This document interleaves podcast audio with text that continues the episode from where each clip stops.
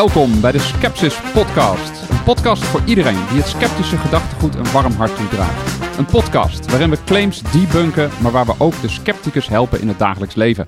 Mijn naam is Richard Engelfried, ik ben uw presentator. En te gast zijn vandaag Skepsis bestuurslid Pepijn van Erp en Maarten Freriks, directeur van Ideeplein. Een organisatie in de coachingswereld die evidence-based werkt. Wat dat is, dat hoort u straks vanzelf. En tot slot gaan we vandaag ook nog in op de vraag wat te doen met een oom die op feestjes onzin staat uit te kramen. Maar nu eerst even naar Pepijn van Erp. Je bent bestuurslid van de Stichting Skepsis. Wat doet de Stichting Skepsis ook alweer? Nou ja, de Stichting Skepsis die uh, volgens haar doelstellingen onderzoekt bijzondere kennisclaims. En de stichting is in 1987 uh, opgericht. En toen waren dat soort bijzondere claims, lagen nog vooral op het gebied van de astrologie, homeopathie, graancirkels, complottheorieën, sectes. Precies, een beetje in die wereld. Ja, ja, en in de loop van de tijd, zeg maar, we zijn nu alweer 36 jaar uh, verder, zijn we een beetje opgeschoven naar bijzondere kennisclaims in heel andere gebieden, dus ook binnen de wetenschap zelf. Precies, dus jullie onderzoeken eigenlijk andere mensen doen claims en jullie kijken dan kloppen die claims eigenlijk, wat, waar, waar komt het allemaal vandaan? Ja, of geven ook een beetje voor de historische achtergrond, hoe zoiets ontstaan is. Dus, dus we geven een blad uit waarin we dus mensen uitnodigen om daarin te schrijven. De Scepter? De, de Scepter, ja. ja. En wij zoeken dus nu uh, voornamelijk, werken we met wetenschapsjournalisten die we dan vragen om, kun je eens naar dit uh, onderwerp kijken en naar een uh, leuk leesbaar artikel schrijven ja. voor ons. En, en, sceptisch denken heeft natuurlijk een beetje een negatieve klank voor veel mensen. Uh, waarom vind jij sceptisch denken juist wel belangrijk en goed dat dat gebeurt in een samenleving? nou ja, goed, sceptisch, wij schrijven het met een K en dan meer uit verwijs naar de oorsprong van het Griekse woord sceptisch, scepticisme. En dat staat eigenlijk voor onderzoeken en uh, niet, niet zozeer voor uh, uh, iets negatief benaderen of zo. Dus het is, wij zien het, het sceptisch denken juist eigenlijk als iets heel positiefs. Ja. Dus dat, onze Amerikaanse grote zus, zeg maar, de, scepter, de CSI, dat staat voor de Committee for Scientific Inquiry. Die heeft, dat, dat heet het ook al in, de, de, die heette, hun blad heet Skeptical Inquirer waarin het eigenlijk weer dubbel op is. Skeptical is al. Precies, maar het gaat gewoon om het onderzoeken. het onderzoeken. Is het echt zo? En daar wordt uiteindelijk een wereld natuurlijk beter van. Nou ken ik bijvoorbeeld ook de Vereniging tegen de Kwakzalverij. Is dat min of meer vergelijkbaar? Is dat een beetje jullie broertje of is dat juist de, de grote concurrent? En nee, wij werken wel samen. We hebben nauwe contacten. Dus we, zitten bijvoorbeeld een bestuurslid van de Stichting tegen de Kwakzalverij. Zit ook vaak bij onze bestuursvergaderingen. Uh, maar zij focussen natuurlijk heel erg op uh, de gezondheidszorg. Precies. Wij zijn natuurlijk veel breder. Ja. En zij hebben ook wel een beetje meer een uh, activistische instellingen, want zij willen hun, hun, hun doelgroep, zeg maar de artsen en de verpleegkundigen, ja. bij de les houden. Dus zij hebben ook wel een beetje iets met, zij hebben iets vaker met het uh, vingertje omhoog. Iets vingertje en, van, en, en, de Stichting Skepsis is nog iets meer echt de, de wetenschap. We laten zien wat er gebeurt en verder moet iedereen dat doen. Ja, we beschrijven wat, wat, wat, hoe wij dat tegenaan kijken en de, ja, mensen moeten er in principe zelf, zelf mee doen wat, wat ze daarmee van meenemen. Nou ja, dat geldt ook voor ons vaste onderdeel, de pijn van Pepijn, waar we nu mee gaan beginnen. En daarin gaan we steeds een claim debunken. En als u als luisteraar volgende keer zegt: Ik heb ook wel een claim die ik onderzocht wil hebben door Pepijn. U mag ze altijd insturen. Ga vooral even naar de site van de Stichting Skepsis en dan kunt u Pepijn zo vinden. Ja, en dit onderdeel over de pijn van Pepijn gaat over Wim Hof. We kennen hem allemaal wel als de Iceman. Hij laat zich inpakken met, uh, met ijsblokjes zakken. Uh, en doet daar ook allerlei claims. En nou heb ik eigenlijk van Wim altijd wel het gevoel, dat is volgens mij toch wel positief, want die man doet alle deuren open, hij laat cameraploegen toe, hij laat onderzoek doen, de Universiteit Twente volgens mij, allerlei anderen, die zijn allemaal welkom en, en hij laat zich onderzoeken en toch zeg jij nee, ik heb er wel pijn van. Leg uit. ja, nee, de Wim Hof die is natuurlijk al jarenlang in Nederland bekend en uh, ik, ik ken hem in eerste instantie ook van als de Iceman, je zag hem in, uh, ja, in, in, in tv-programma's met die stunts van hem, hè, of zwemmen onder ijs, onder, uh, ja. van het ene wak naar het andere. Dus in die zin, uh, ja, gewoon een, een stuntman. Maar hij begon op een gegeven moment zijn methode, dat heet dan ook de Wim Hof methode, te propageren als een, uh, ja, een, gezondheidsleefstijl. Uh, waarmee je uiteindelijk ook, nou, in het begin zei hij ook echt, ziektes als kankers en zo op termijn zou kunnen gaan genezen.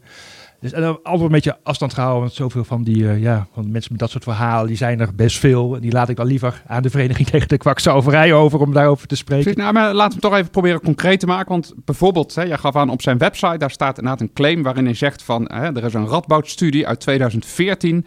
En die heeft de Wim Hof-methode gevalideerd als effectief middel. En dat staat er dan natuurlijk vrij hard. Terwijl, ja, jij bent in uw studie gedoken en, en vertel, dat was een studie onder 24 deelnemers.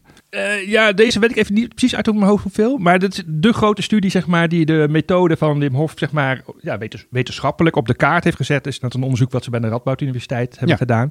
En dat, wat je zei, dat klopt, zeg maar. Het is leuk dat Wim Hof, uh, zeg maar, de, de wetenschap opzoekt om, zeg maar, kom maar maar testen. En uh, ik wil graag alles laten onderzoeken. En hij is van overtuigd natuurlijk dat, dat de wetenschap dan zijn ideeën gaan bevestigen.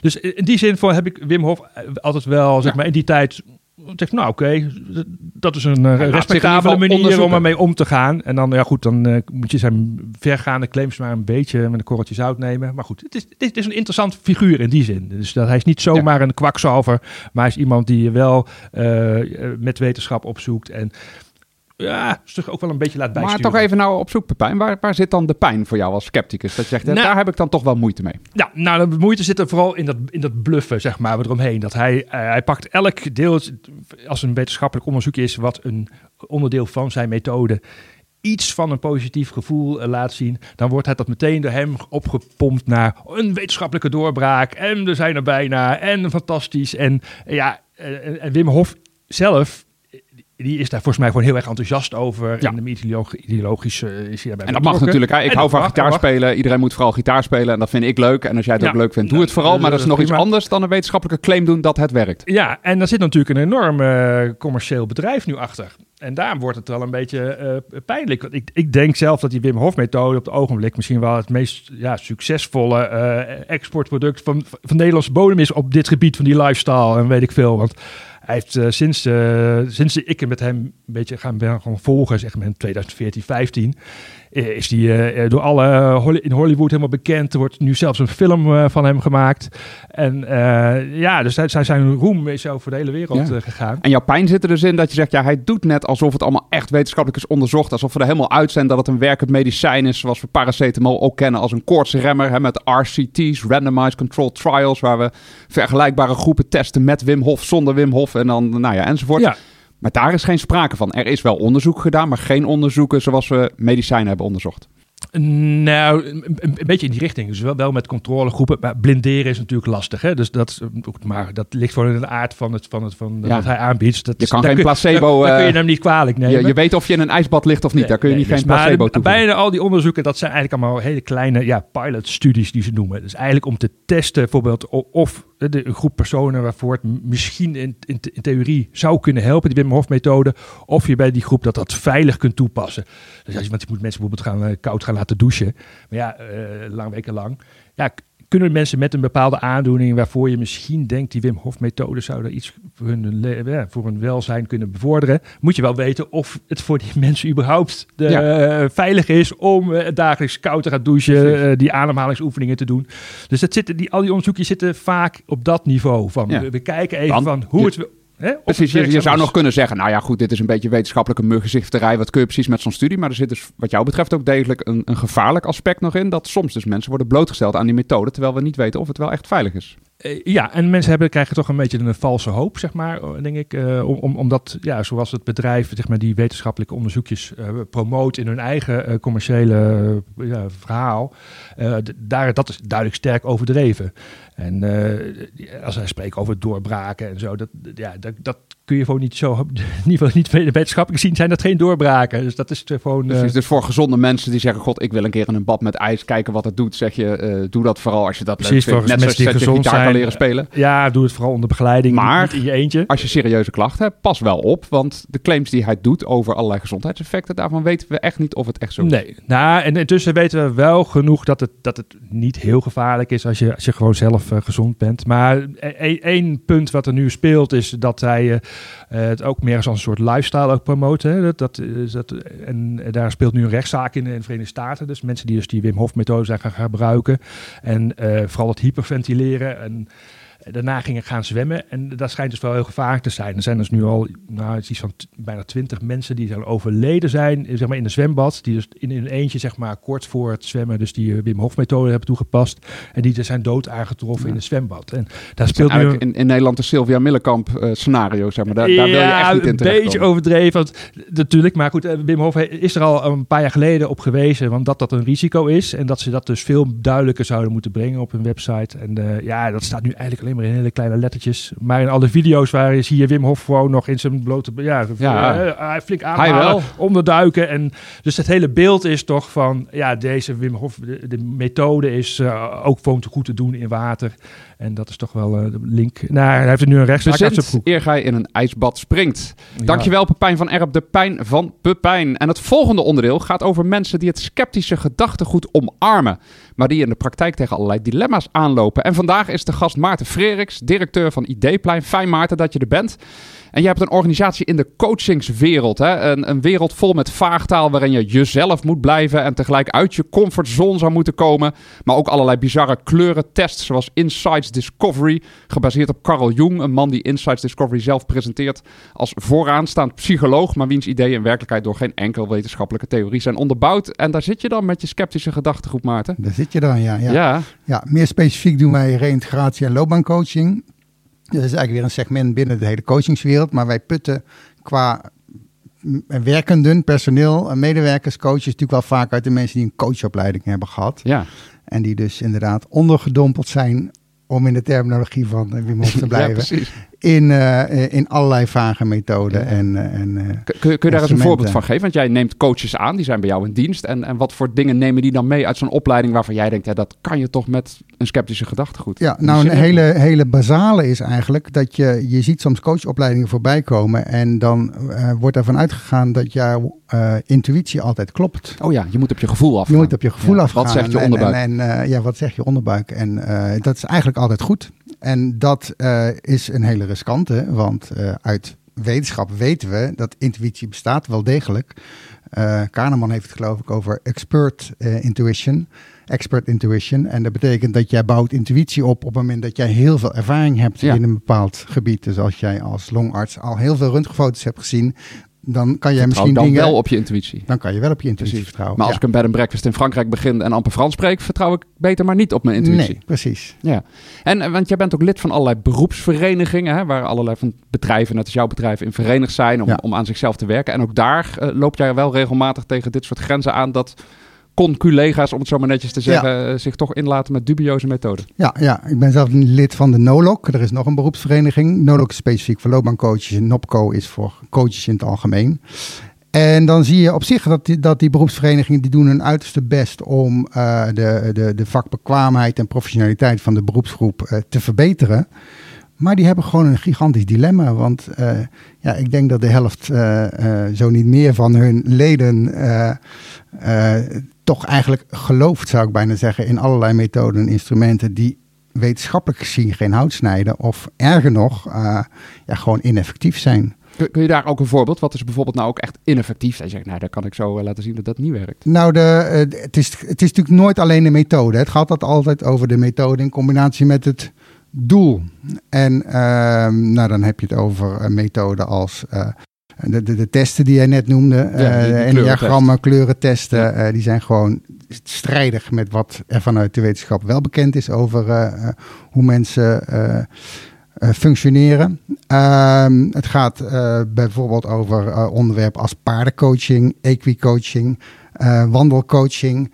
Eh, het zal best goed zijn om te wandelen en het zal ook best goed zijn om. eh, eh, nou, wandelcoaching vind ik zelf wel een mooi voorbeeld.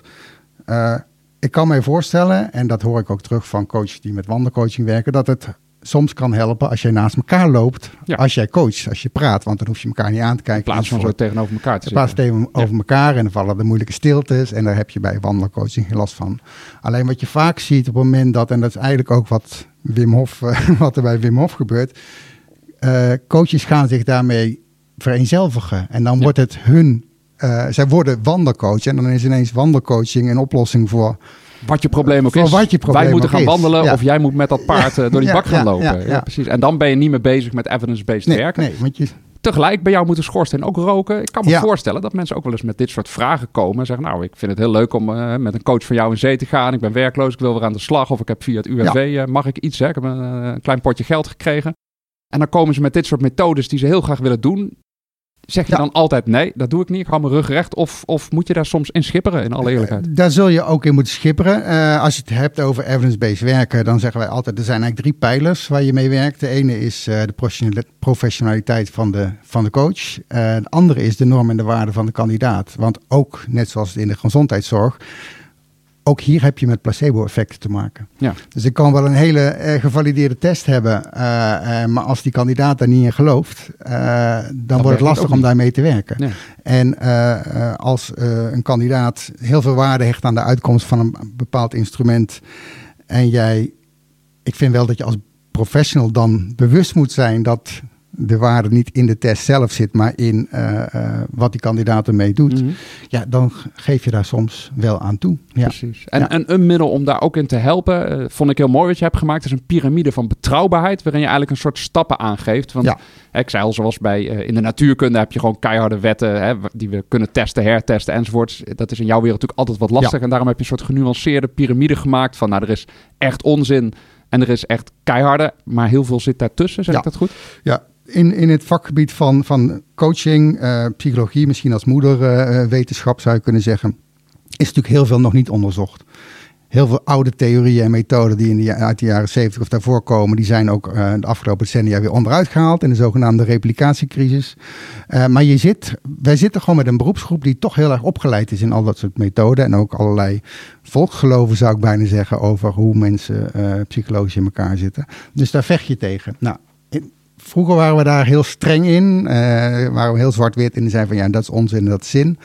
Maar daarmee kom je niet verder. Dus je zal ook coaches die eh, eh, opgeleid zijn in bepaalde methodieken ook de ruimte moeten geven om daarmee te gaan werken. Ja. En die piramide die geeft eigenlijk aan, die stelt eigenlijk van als jij een bepaald doel nastreeft, eh, je hebt daar een bepaald instrumentarium voor. Eh, kies dan het instrumentarium wat zo hoog mogelijk op die piramide staat. Dus zo betrouwbaar mogelijk is. En daarmee hoop je dus ook de mensen los te weken van Ja. altijd maar op hetzelfde paard wedden. Om Ja. die beeldspraak ook maar even te, Ja. te gebruiken. Want dat was ook wel interessant. Jij vertelde, ik heb wel een stagiaire gehad.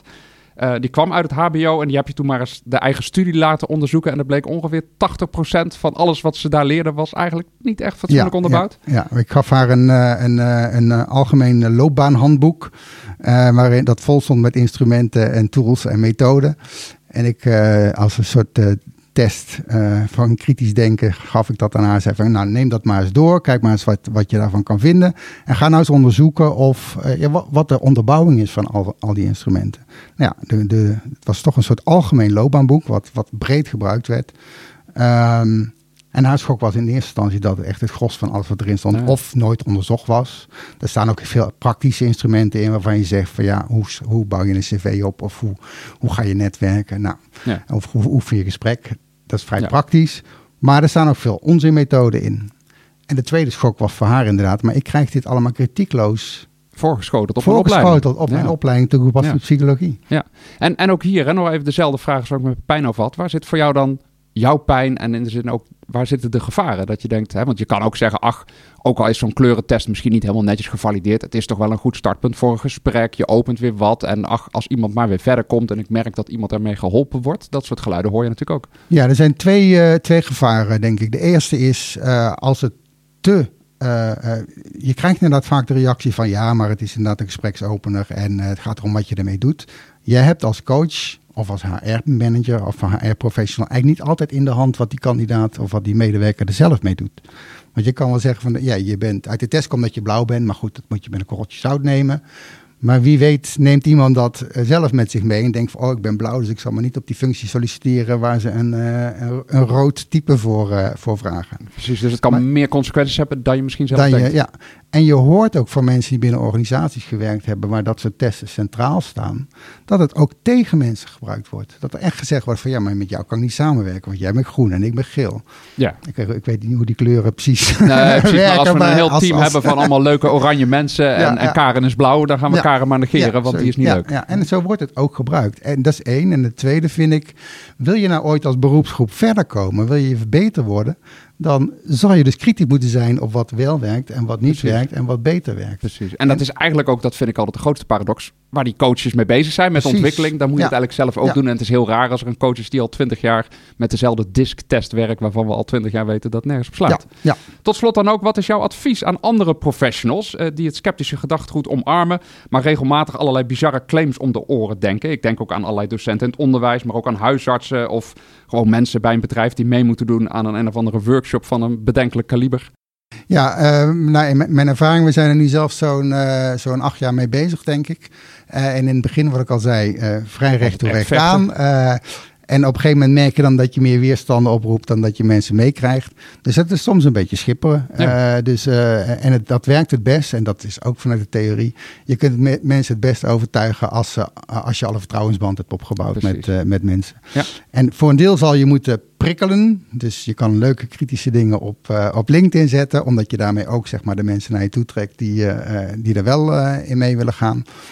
Maar binnen je eigen cirkel zal je dat soms toch wat eh omvloerster moeten eh, communiceren. En ik denk met name vragen stellen. Laat mensen zelf nadenken over waarom denken ze nou dat iets werkt. Niet te hard erin knallen. En ook dit onderwerp gaan we volgende keer ook weer bespreken. Ook weer met andere professionals, waaronder bijvoorbeeld een huisarts. En bent u nou zelf ook zo'n professional die worstelt met dit dilemma? Laat het ons vooral weten.